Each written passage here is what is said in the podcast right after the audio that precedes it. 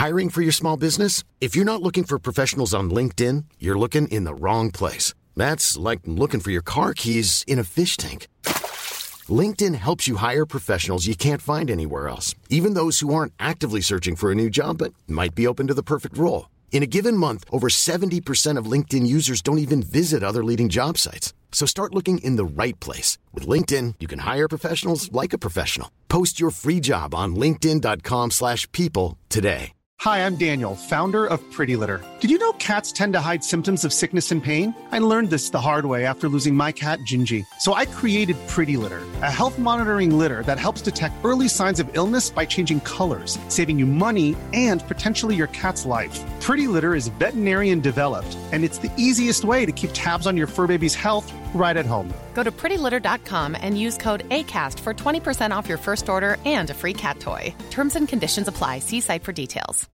Since 2013, Bombas has donated over 100 million socks, underwear, and t shirts to those facing homelessness. If we counted those on air, this ad would last over 1,157 days. But if we counted the time it takes to make a donation possible, it would take just a few clicks. Because every time you make a purchase, Bombas donates an item to someone who needs it. Go to bombas.com slash ACAST and use code ACAST for 20% off your first purchase. That's bombas.com slash ACAST, code ACAST.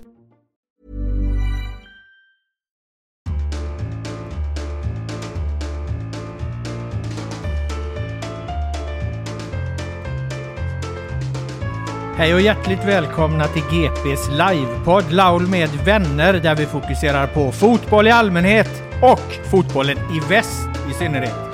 Vi befinner oss på Gamla Ullevi, Tolvans restaurang. Kul att se att så många har tagit sig hit.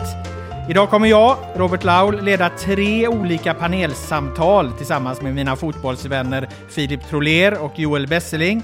Det kommer handla om svensk damfotboll, lokalt och nationellt. Det kommer handla om superettan, våra tre Göteborgslag i den serien.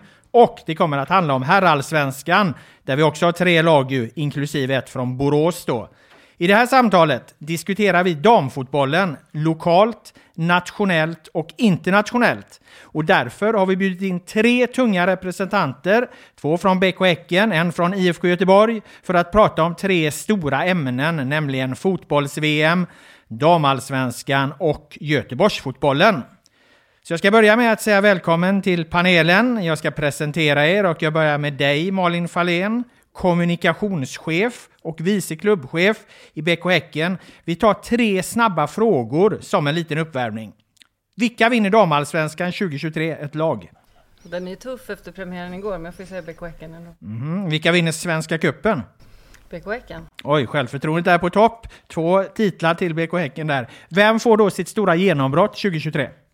Mm, åh, den svårare. Eh, jag sa Elma Juntila Nelhage inför förra året. Jag, vet inte, jag tycker ändå att man kan slå fast efter att ha, ha tagit ner PSG eh, på bortaplan där, att hon faktiskt fick det. Eh, jag säger Aisha Masaka. Mm, den eh, snabba yttern från eh, Tanzania va? Precis. Ja, då eh, lägger vi henne till en bra spaning, för jag håller med dig om att Elma Juntila Nelhage gjorde en otroligt fin säsong eh, 2022 när hon ju, som du var inne på där, hängde med de här franska världsstjärnorna i, i, i snabbhet och egentligen i alla moment av spelet. Det ska bli intressant om du är lika pricksäker kring Aisha Masaka då, om hon blir årets genombrott för BK Häcken. Jag tackar dig för dina svar där. Vi tar tre eh, snabba frågor med dig också, Peter Svanström, som är huvudtränare för IFK Göteborgs division 1-lag. Eh, vilka vinner division 1 2023? Ja, den är ju svårare. Det, vi tippar ju oss själva naturligtvis. Men Malmö FF är en stor, stor, stort hinder på vägen. Det är de som du ser som era farligaste utmanare i toppen. Det var nämligen min nästa fråga här, så att du besvarade den nästan då eh, i Absolut. och med det svaret. Så är det. Men du tror att det är mellan IFK Göteborg och Malmö FF det kommer stå i division 1 där 2023? Det är jag rätt säker på. Eh, om jag då eh, tvingar dig att eh, ge en, en placering för IFK Göteborg, blir ni ett eller tvåa? Ja, då blir vi etta. Mm, bra, självförtroendet är på topp där också. Jag tackar för det. Eh, sist men inte minst i den här presentationen då Elin Rubensson, mittfältare BK Häcken och landslaget. Välkommen! Tack så mycket. Vi kör tre snabba med dig också. Vilka vinner damallsvenskan 2023? Har dålig timing på den frågan idag, men eh, jag säger oss själva. Ja, BK Häcken där. Eh, vinner ni Svenska Cupen också? Ja, den tar vi hem. Ja, ja. Självförtroendet eh, är, är på topp överallt där, det är underbart. Då ska vi se vad du säger på den här frågan då. Eh, var slutar Sverige i fotbolls-VM? Vinner, ni den, vinner vi det också? På medaljplats är mitt svar. På en medaljplats, etta, två eller trea då. Bra, för det leder oss in på årets stora händelse egentligen i fotbollsvärlden, nämligen det här fotbolls-VM då som ju spelas i Nya Zeeland och Australien. Sverige är förstås eh, kvalificerade och vi ska ta oss an det här mästerskapet eh, genom att börja med en lite personlig reflektion från min egen sida. Jag följde ju EM i England i somras. Eh, Sverige eh, gick hela vägen till semifinal, men där blev det stopp mot England, där mästerskapet då spelades. Eh, min slutsats kring det här fotbollsmästerskapet är att det händer saker i eh, den internationella damfotbollen. Det rör på sig i den här toppen. Och precis som på herrsidan, precis som det varit på herrsidan i många herrans år, så har ju de stora fotbollsnationerna eh, vuxit i kvalitet så att säga de senaste åren på damsidan.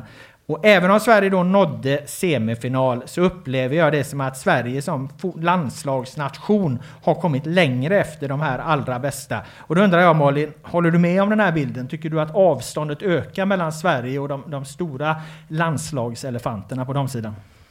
Det är fint att jag får den frågan som har liksom sitter med minst fotbollskunskap i den här trion. Eh, men, eh, men absolut att du har rätt att det händer saker på väldigt många andra håll. Alltså Sverige har ju varit väldigt framträdande eh, tidigt och länge eh, och kommer fortsätta kunna ha en bra möjlighet både på landslags och klubbnivå att vara kvar där uppe. Men absolut att eh, vi ser en utveckling i de stora fotbollsnationerna som går snabbt när de väl nu sätter ner på något sätt foten och gör sina satsningar. Framförallt skulle jag vilja säga att jag imponeras av Spaniens satsning, eh, deras leverans, även om man går ner på, på yngre, om vi inte bara pratar A-landslagsnivå utan ner i, i de andra eh, flick och juniorlandslagen också, att de eh, har otroligt mycket skickliga spelare som kommer. Mm.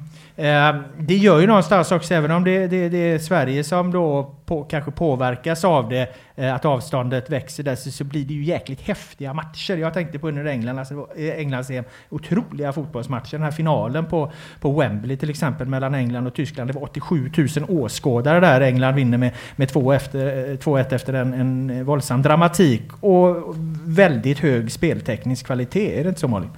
Jo, men eh, verkligen. Och jag tror att det är det som kommer göra. Alltså, alla vi som följer fotbollen eh, som spelas av flickor och kvinnor kommer ha otroligt roliga år framför oss. För att när det någonstans någonstans nu investeras pengar, det ges förutsättningar, så ser vi också en utveckling av produkten fotboll eh, som går väldigt snabbt. Där man kanske ser snarare på här sidan att vi är på en så pass hög nivå eh, fysiskt, tekniskt, taktiskt kunnande redan. Så att den är ganska nästan, inte mättad, det sker en utveckling där också. Men, men den kommer vara så himla mycket snabbare på damsidan i ganska många år nu tror jag. Och det kommer, tror jag, vara väldigt, väldigt roligt att, att se och följa. Mm.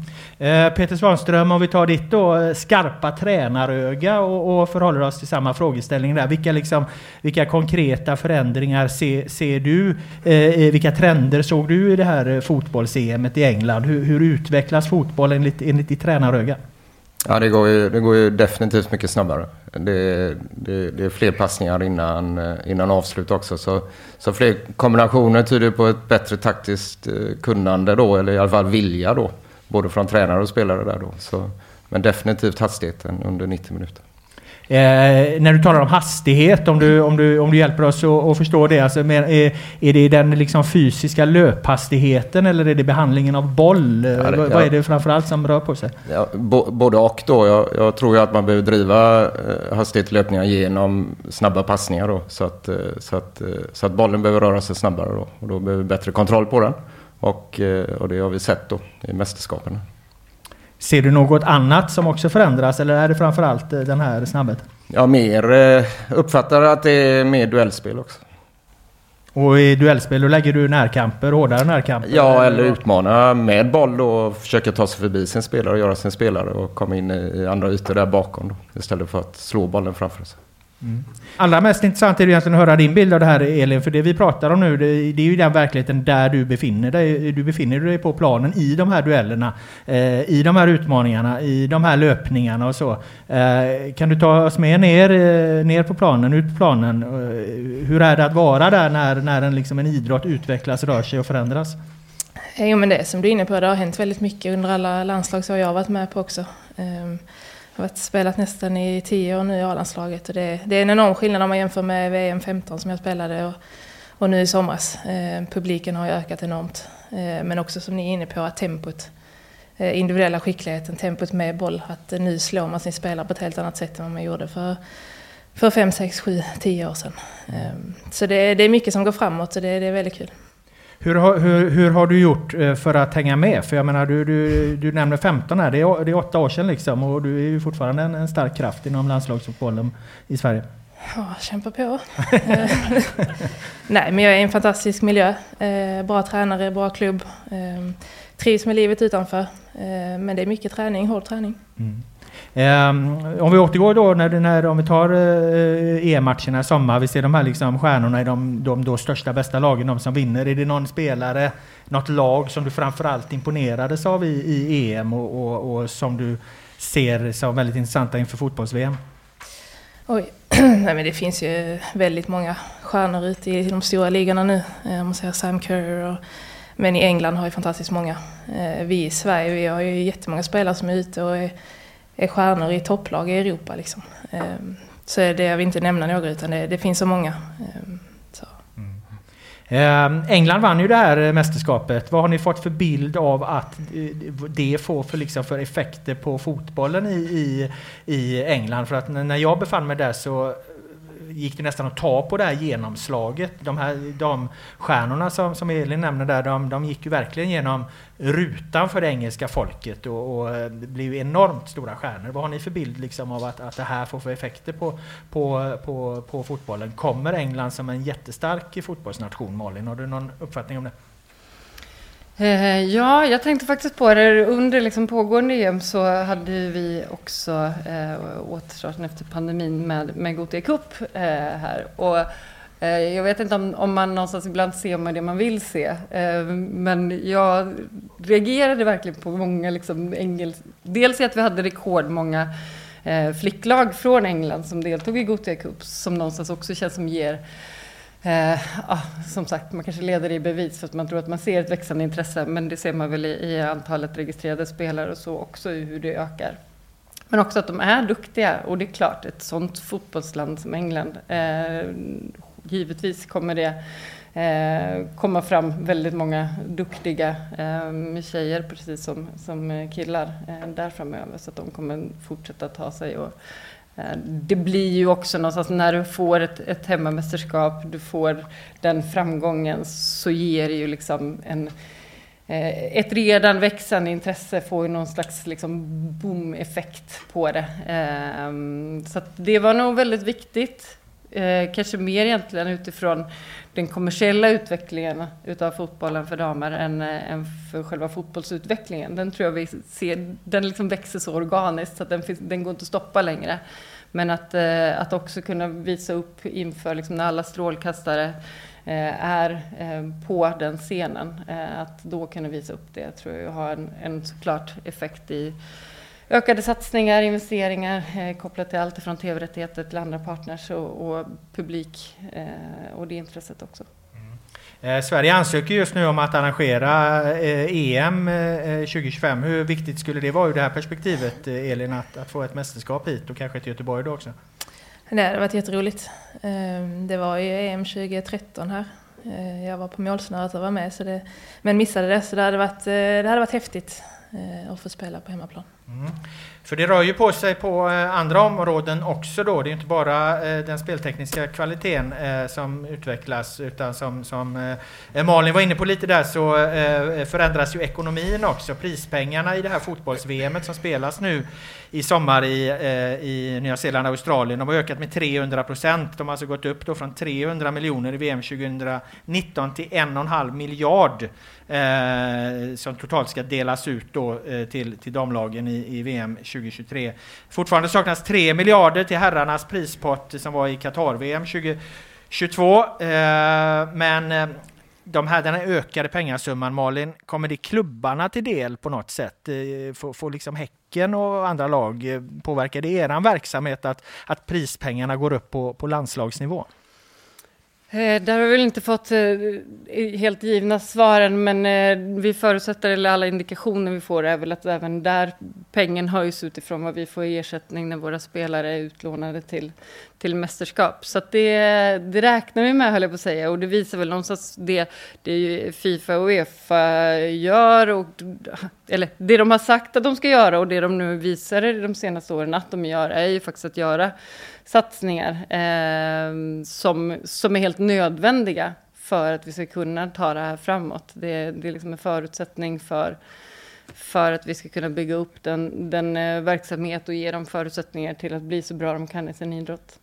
Men handlar det om en 300% ökning för, för, för Häcken också exempelvis, eller kan man räkna det rakt av? Ja, det hade varit fint. Du kanske kan jobba in den, Robert. eh, tyvärr så tror jag kanske inte riktigt att det går så fort, men, eh, men eh, det vi ser, och det är väl liksom alla någonstans estimeringar vi får från från eh, Uefa och Fifa också kopplat till hur, hur intresset ökar och vilka liksom, estimeringar man gör i hur, hur det kommer generera intäktsökningar de närmaste åren också. Eh, en del är såklart det som kommer från, från deras organisationer centralt och en annan del är något kopplat till, till partner och, och tv-intäkter. Mm. Eh, redan i EM här i somras var ju det en, en, en, ganska bra bonus vill jag minnas. Jag vet att du och jag pratade om det under mästerskapet där Elin, eh, som en av stjärnorna då som också får ta del av bonusen. Jag vet att du nämnde att du eventuellt skulle lägga ett nytt golv för din eh, EM-bonus. E, e, Blev det så? Den skulle komma. eh, vi håller faktiskt på att renovera. Blev ja, klar med tvättstugan igår. Så... Ja, så det blir inget golv, men en tvätt, men... tvättstuga? nej, jag har faktiskt inte lagt golven. Nej, okej. Okay. Eh, men det kanske blir ett golv efter eh, VM-bonusen ja, jag hoppas det. Mm. Vad blir det för golv då? En eh, fiskbensparkett? Ja, det beror på hur långt vi går. Uh, ja, men skämt åsido, alltså det, det, det, här har ju varit en jättefråga i många år, liksom, med damernas förutsättningar kontra herrarnas. Uh, nu har ju då uh, den, den kanske mindre populära Fifa-presidenten Gianni Infantino någonstans levererat här då um, med den här ökningen. Tror ni att, att debatten stannar av nu eller eh, kommer, kommer, kommer kraven vara fortsatt att, att närma sig herrarna ännu mer? Elin? Vad tror du om, om det, om debatten framöver? Nej, jag tror inte den kommer stanna av, utan det är väl en pågående process. Eh, och att, huvudsaken är väl att det går framåt hela tiden. Eh, och det har gått framåt enormt mycket de här åren som jag har varit med också. Så det är bra och jag hoppas att det fortsätter så. Men inte helt nöjda? Aldrig nöjda. Nej, det är bra. Eh, bra, då ska vi släppa det eh, internationella eh, perspektivet och närma oss ett, ett lite mer nationellt fotbollsperspektiv, då, eh, nämligen eh, damallsvenskan. Och i fjol genomfördes ju en serieutvidgning, det vill säga att serien utökades från 12 till eh, 14 lag. Och eh, jag ska släppa in dig lite senare här, eh, eh Peter, på den frågan. Men, men Elin och Malin, vilka konsekvenser tycker ni att det har fått att man förändrade antalet lag i serien? Eh, jag älskar att spela matcher, så jag tycker bara det är kul. Mm. Mm. Malin? Eh, jag tror att det är alldeles för tidigt att göra någonstans den analysen. Eh, det var många som tyckte att det var en del ojämna resultat, både både i fjol och, och, och åren dessförinnan när man var ännu färre lag. Eh, vi kan väl se utifrån vår premiär i, så sent som igår att ett av de lagen som brottades i botten i fjol eh, uppenbarligen kunde leverera tre poäng mot topptippad BK Häcken. Eh, så att eh, på sikt så, så, tror jag att det är helt rätt väg att gå. Ehm, sen så är det klart att man vill ha en, en liksom sportslig jämnhet och en konkurrens Eh, stark liga. Eh, framförallt så ser vi liksom att det är många liksom klubbar som fortfarande eh, sliter för att få ihop sina organisationer och kunna, kunna vara starka eh, på ett hållbart sätt också. Och där tror jag inte minst alltså, vi ser utifrån de, de fler starka klubbar som är liksom, historiskt sett har varit starka på här sidan som kommer upp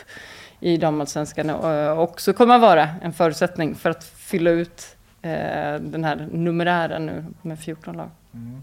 Men eh, jag vet, den, så, så, så har ju debatten ungefär gått. Men om man ser man början på årets eh, säsong då, där ju eh, Häcken tyvärr eh, exemplifierar ganska bra i och med att det blev förlust i den här premiären då. Men jag menar Rosengård har också hackat lite i, i inledningen. Eh, tittar man på Kristianstad, tittar man på Linköping, tittar man på Hammarby så känns de, de ganska starka. Håller du med om det Elin, att, att, att, att, att det är en bredare topp i år, eller är det bara tillfälligt? Eh, nej, det finns många lag som kommer att vara med och slåss. Eh, och det ser vi igår att det, det, är ingen som kommer att jogga hem den här serien. Eh, det kommer att vara tufft varenda vecka. Det gäller att vara beredd på det. Så, mm. Men känner du att det är en skillnad? Eh, bara går det att liksom se det på det vi har sett den här försäsongen så att säga?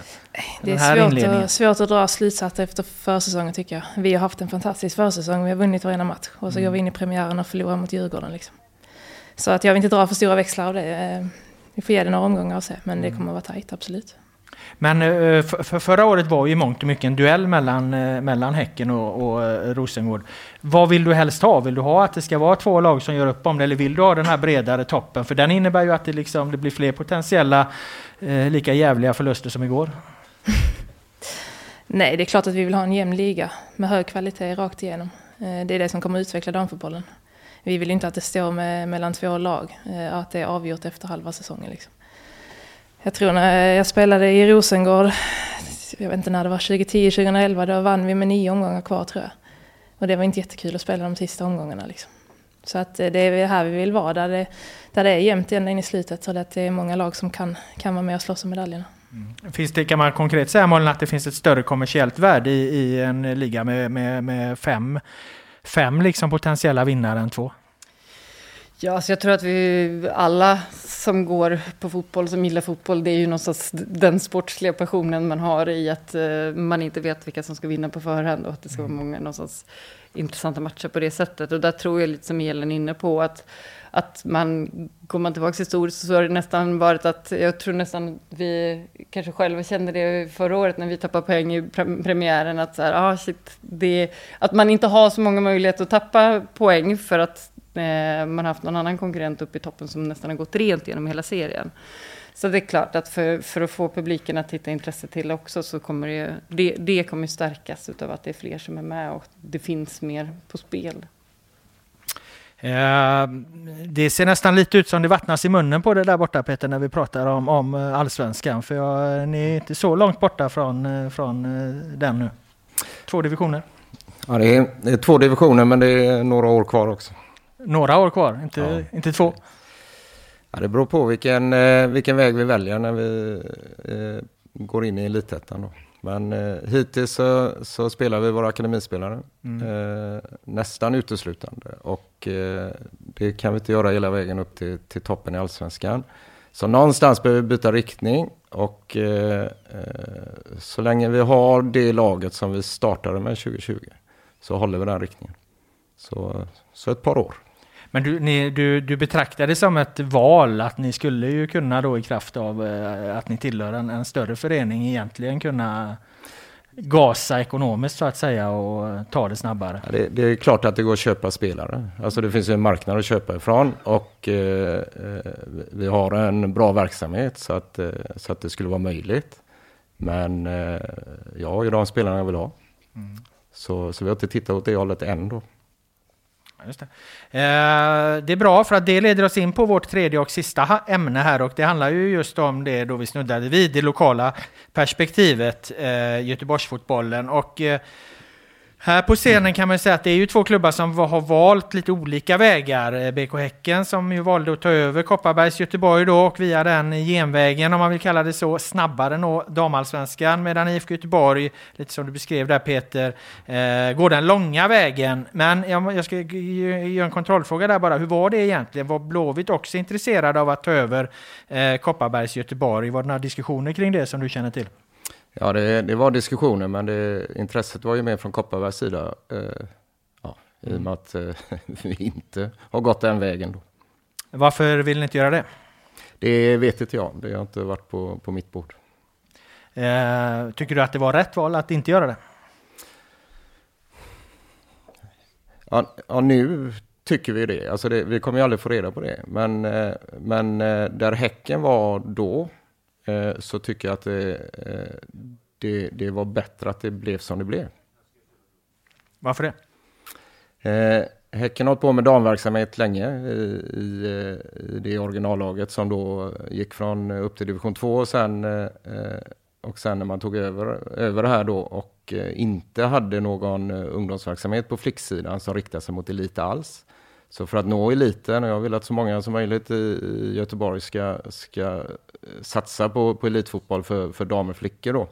Så, så är det jättebra att Häcken tar den vägen. Det hade tagit mycket, mycket längre tid för Häcken att bygga upp en, en ungdomsverksamhet som tar sig hela vägen än vad det var för oss. Vilket gör att vi, vi snabbare kan få eh, fler derbyn i Göteborg på damsidan. Då. Ja, just det. Det är intressant där, eh, för, för det, det, har ju ändå varit lite kontroversiellt det här eh, valet Malin och det pågår en utredning via Svenska fotbollsförbundet nu kring att ni har två lag i eliten.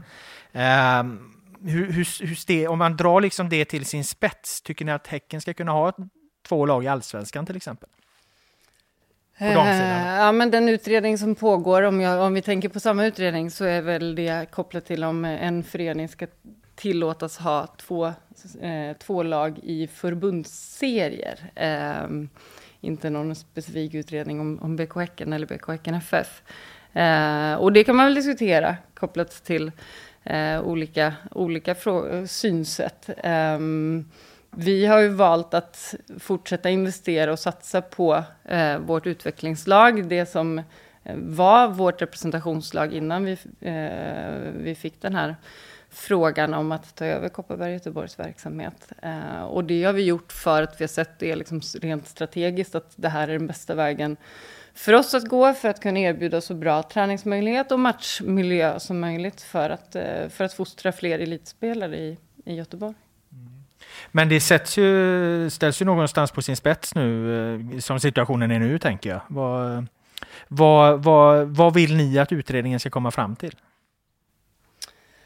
Eh, vi har egentligen ingen åsikt i, i den. Eh, vi kommer navigera och hitta, sätta våra egna liksom, fötter utifrån vad, vad den utredningen eh, landar i. Eh, jag tror att där, där är i alla fall de signaler som vi har fått från förbundet är någonstans att dels att den möjligheten kan bli, och det är väl kanske mer kopplat till föreningsorganisatoriska och rent liksom byråkratiska eh, perspektiv. Ehm, men, eh, men också i att att så här, hur, hur flyttar vi damfotbollen framåt? Så jag tror att man ser eh, rent spelarutbildningsmässigt så tror jag att man ser det positivt eh, att det finns vissa klubbar som, som har bra verksamheter som också någonstans ger dem förutsättningar och, och, och investera på det sättet som vi gör.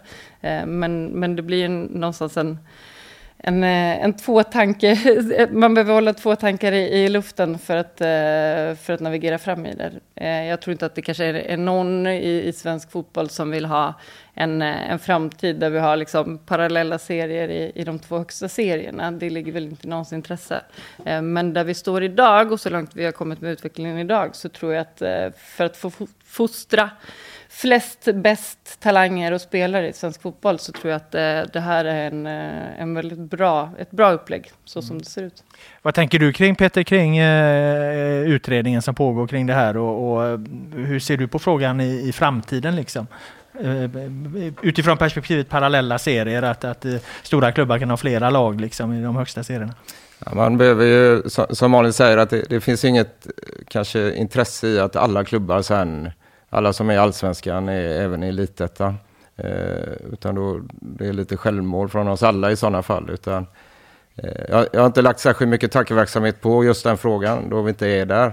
Men eh, ja, jag, jag, jag har inte bestämt mig. Mm. Nej, den berör ju inte bara damfotbollen heller. Du har ju samma fråga kring Hammarby bland annat på herrsidan som, ja, som ju har olika lag liksom. Så det är ju en större fråga än BK mm. Häcken och, och här i Göteborg. Mm. Men, men alltså rent, eh, drar man det till, till, sin spets så skulle du kunna få en situation där, där, där stora eh, starka klubbar har flera lag som ju då slår ut eh, mindre föreningar. Vilket ja, ju ja, påverkar mångfalden negativt kan man ju tycka. Oh ja, och då, eh, det gör det och, det och dit vill vi nog inte. För då, då missar vi talanger ute i landet utanför storstäderna också.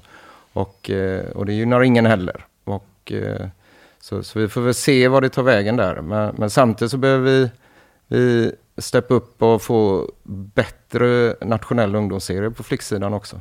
Så att, vi, så att till exempel BK Häcken här med det allsvenska laget eh, får bättre konkurrens i, i en F19 allsvenska och neråt då. Att man skapar de serierna då istället för att det, är det ligger under EF då, elitföreningen då. Och, eh, och eh, inte håller en tillräckligt hög nivå idag då.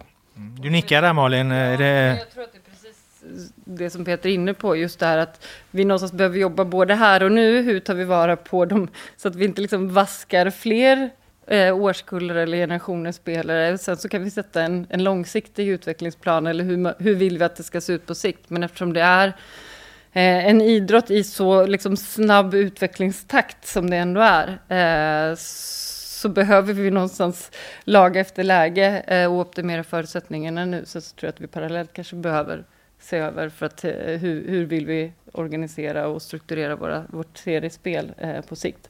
Men det jag nickar åt är ju framförallt någonstans en, en förbättrad matchmiljö eh, för eh, våra eh, flicklag.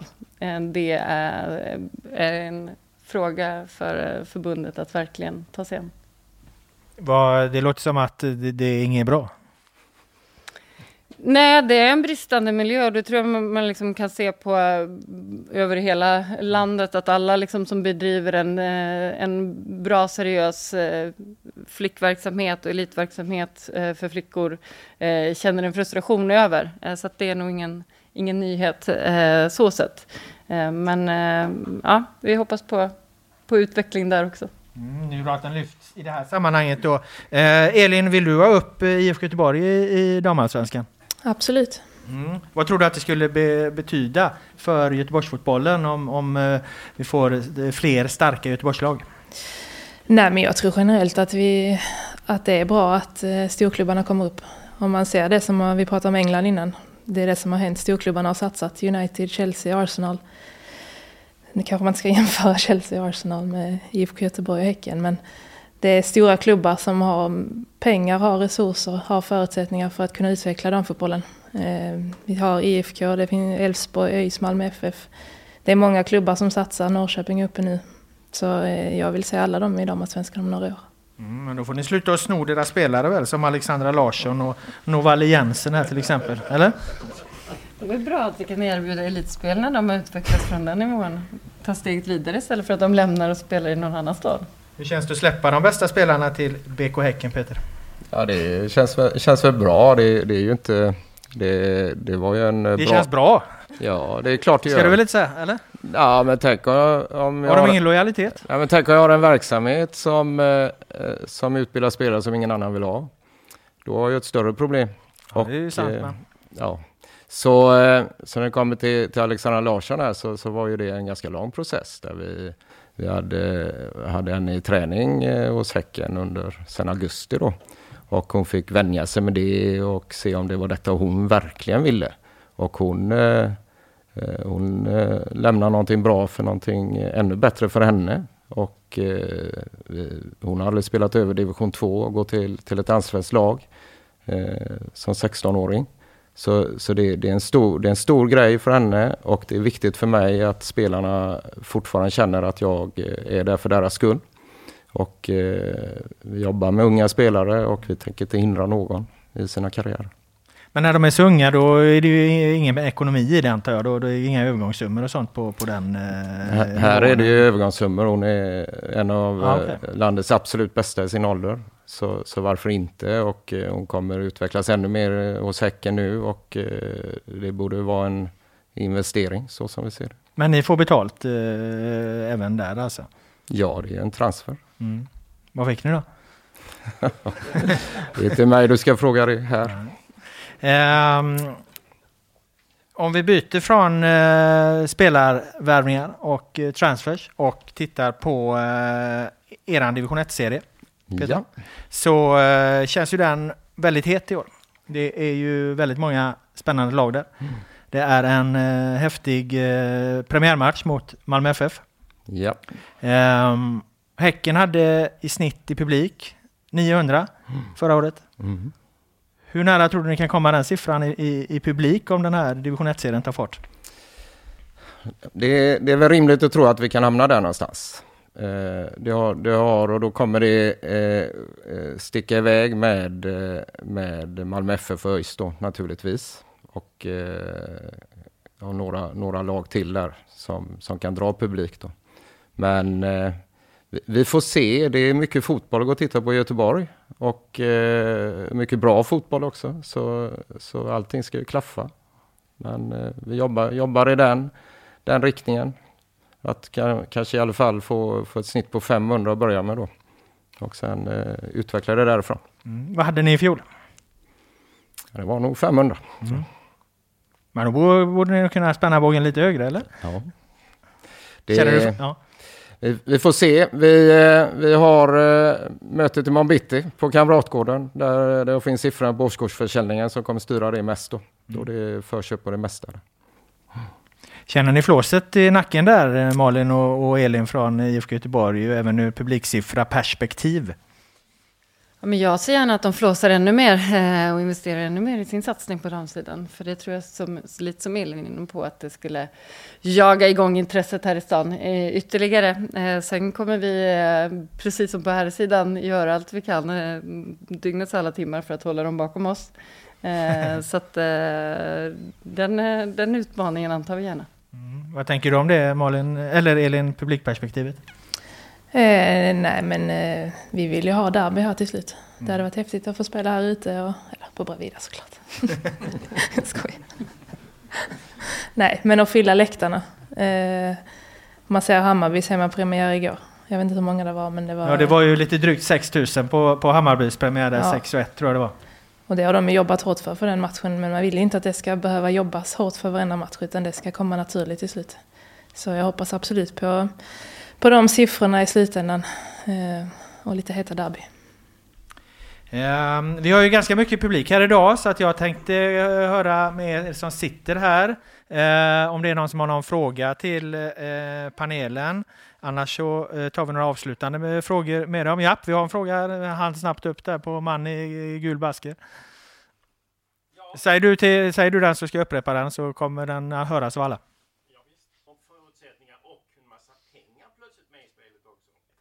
Frågan gällde ju då ifall eh, damfotbollen riskerar att bli eh, lika nedlusad med filmningar som eh, herrfotbollen är nu när pengarna ökar och det blir allt viktigare. Bra fråga. Det är ingenting vi diskuterar. Jag vet inte om män diskuterar det heller, men jag tror absolut att det har ökat lite senaste åren. Det är tuffare, det smäller på mer. Man har väl sett lite mer filmningar kanske. Men eh, det är som sagt det är ingenting vi diskuterar, men jag tror att det kommer naturligt med tempoökningen.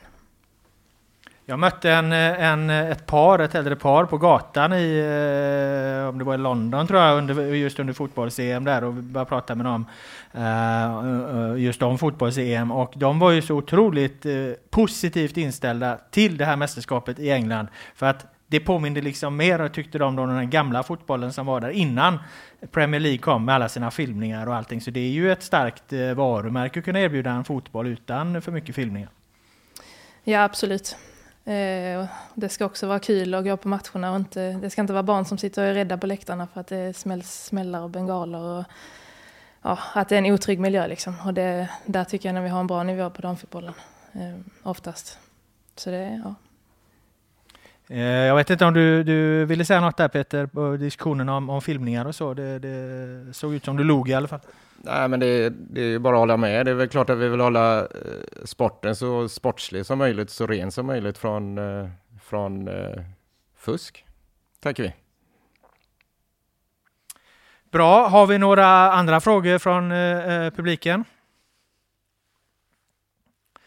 Det hade vi inte där. Eh, vi har några minuter kvar. Vi ska avsluta med några eh, rappa frågor kring eh, eh, kring transfermarknaden eh, då, eh, i både ett internationellt och nationellt perspektiv. För investeringarna, spelarinvesteringarna slog ju rekord eh, 2022. Det var ju, det var ju det som ökade allra mest i hela fotbollsvärlden egentligen, köp och sälj av spelare på eh, damsidan. Men Häcken har ju lyckats skapa en miljö där många av de bästa spelarna stannar på hissingen och det valet har exempelvis du gjorde du för något år sedan Elin, väl när du förlängde ditt kontrakt. Du, du antar att du som landslagsspelare skulle kunna spela utomlands, men du valde att bli kvar på hissingen. Hur, hur gick tankarna? Eh, nej men vi har fantastiskt fina förutsättningar eh, på GPA. Eh, och jag känner att jag, jag har fått ihop ett bra livspussel. Jag blev mamma för två år sedan och det är en stor del av mitt liv också. Eh, och kunna göra den satsningen jag gör vid sidan av och ändå behålla min landslagsplats och känna att jag utvecklas varje dag. Eh, det är det viktigaste för mig och jag, jag behöver den tryggheten och lugnet för att kunna prestera på fotbollsplanen också. Mm. Det är ju då ett tag sedan du gjorde valet. Känns det helt rätt idag? Mm. Jag sitter här. Jo, jo, det ser jag, men eh, det kan du göra under tvång också, jag på att säga. Men, ja, nej. nej. men eh, det, det, känns eh, som att det var rätt val. Ja, nej men absolut. Sen har jag absolut inte stängt några dörrar och det kan alltid hända saker, men eh, just nu trivs jag väldigt bra med allting. Ett bra VM så sticker du i alla fall. Vi får se om jag sitter här nästa år. Ja, vi får se. Du, eh, hur ser du på utvecklingen på transfermarknaden på damsidan Malin? Det, eh, enligt årsredovisningen då, som, som jag läste häromdagen så fick ni måste ni fått ungefär en miljon för Johanna Rytting Kaneryd när hon gick eh, från, eh, från eh, Häcken till, eh, till Chelsea. Då. Utan att, att kom, kommentera det pusslet så, så är väl det, om vi pratade innan, kopplat till eh, investeringar från, från Fifa och Uefa, centrala pengar som behöver komma in från, från EFD eh, så, så, så är vi liksom transferintäkterna någonstans den andra delen. Vi vet alla hur, hur stor och viktig del den är inom här fotbollen idag eh, och den kommer ju såklart växa på damsidan också. Eh, vi har väl byggt en miljö, så vi har byggt en miljö som, som gör att spelarna vill vara kvar, men framförallt skulle jag säga att vi har skapat en miljö för just talang och spelarutveckling, eh, där vi också har, har förändrat tror jag, en, en norm som har varit i, i svensk damfotboll eh, under väldigt lång tid, där man har haft väldigt korta kontrakt. Det har gjort att spelarna, när de väl har lämnat, har, har gått eh, som fria transfers. Eh, där vi någonstans har, sen vi tog över eh, verksamheten från Kopparberg Göteborg FC, försökt börja, börja jobba in längre kontraktskrivningar, vilket ju går att göra när vi kan erbjuda bättre förutsättningar förstås i, i de avtalsförhandlingarna. Eh, men också att skriva kontrakt med, med yngre spelare, att föryngra våran trupp. Eh, så en ganska tydlig skillnad på de åren som har varit. Och det är ju såklart med, med samma fokus som vi jobbar med på här sidan. Vi vill vara en språngbräda, vi vill ha spelare hos oss, med hos oss och gör resultat eh, och, och vinner på planen i, i BK Häckens tröja. Men sen vill vi också att de ska kunna eh, lyfta mot högre höjder oavsett om det är mot, mot landslagsspel och de, de är kvar hos oss lite längre. Men att vi vet någonstans våran plats i näringskedjan på både här och damsidan också. Och att det finns större miljöer och större scener där ute. Och då, då tror vi att vi kan utveckla dem och sen sälja dem vidare för att återinvestera i nya talanger hos oss. Mm. Så att, eh, ja, men jag, jag hoppas att vi kan göra ett bättre transferfönster eller transfernetto i år även på damsidan det var ett långt svar mm. eh, på att, eh, som inte gav ett svar på om ni fick en miljon eller inte för Johanna Rytting Kaneryd, men eh, det var det ni sålde spelare för i alla fall 2022. Eh, eh, sista frågan eh, i det här panelsamtalet, det går till dig då Peter, som ju jobbar väldigt mycket, eller jobbar egentligen enbart då med unga talanger och vilket ni ju då gör i, i seriespelet. Kommer ni ha en fördel av det tror du när, när, när ni väl gör det här valet att även börja satsa mer för att gå upp i damallsvenskan, att ni liksom har byggt upp en, en, en, en, en väldigt etablerad talangutveckling. Kan man dra den parallellen att det ni gör nu kommer ni ha ekonomisk vinning för er i framtiden också? Ja, det, det är väl klart att vi, vi, eh, eh vi, om vi bygger från, från 12 års ålder redan nu så, så, så är ju väldigt mycket på plats i, i en, en, mer organisk tillväxt för oss. Eh, om, om, även om 7-8 år då när vi är där uppe. Då. Så, så vi, vi försöker se väldigt långsiktigt på det och eh, lite en dag i taget, eh, ta det försiktigt eh, och inte springa för snabbt med detta och, eh, och ta hand om de unga spelarna vi har hela vägen. Eh, bra, då eh, tackar jag er i panelen för det här samtalet. Eh, jag önskar er alla tre stort lycka till med årets fotbollssäsong. Eh, det här var ju då ett av tre avsnitt av livepodden Laul med vänner. Vi är snart tillbaka med nya poddar och nya samtal. Jag vill tacka er för att eh, ni lyssnade och ni får hemskt gärna ge panelen här en stor applåd. Tack så mycket! Tack!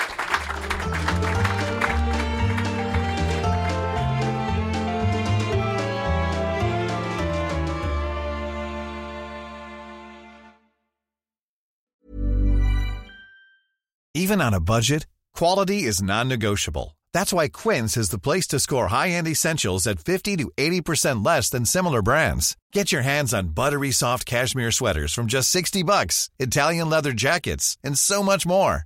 And the best part about Quince, they exclusively partner with factories committed to safe, ethical, and responsible manufacturing. Elevate your style without the elevated price tag with Quince. Go to quince.com slash upgrade for free shipping and 365-day returns. Hi, I'm Daniel, founder of Pretty Litter. Did you know cats tend to hide symptoms of sickness and pain? I learned this the hard way after losing my cat, Gingy. So I created Pretty Litter, a health monitoring litter that helps detect early signs of illness by changing colors, saving you money and potentially your cat's life. Pretty Litter is veterinarian developed, and it's the easiest way to keep tabs on your fur baby's health right at home. Go to prettylitter.com and use code ACAST for 20% off your first order and a free cat toy. Terms and conditions apply. See site for details.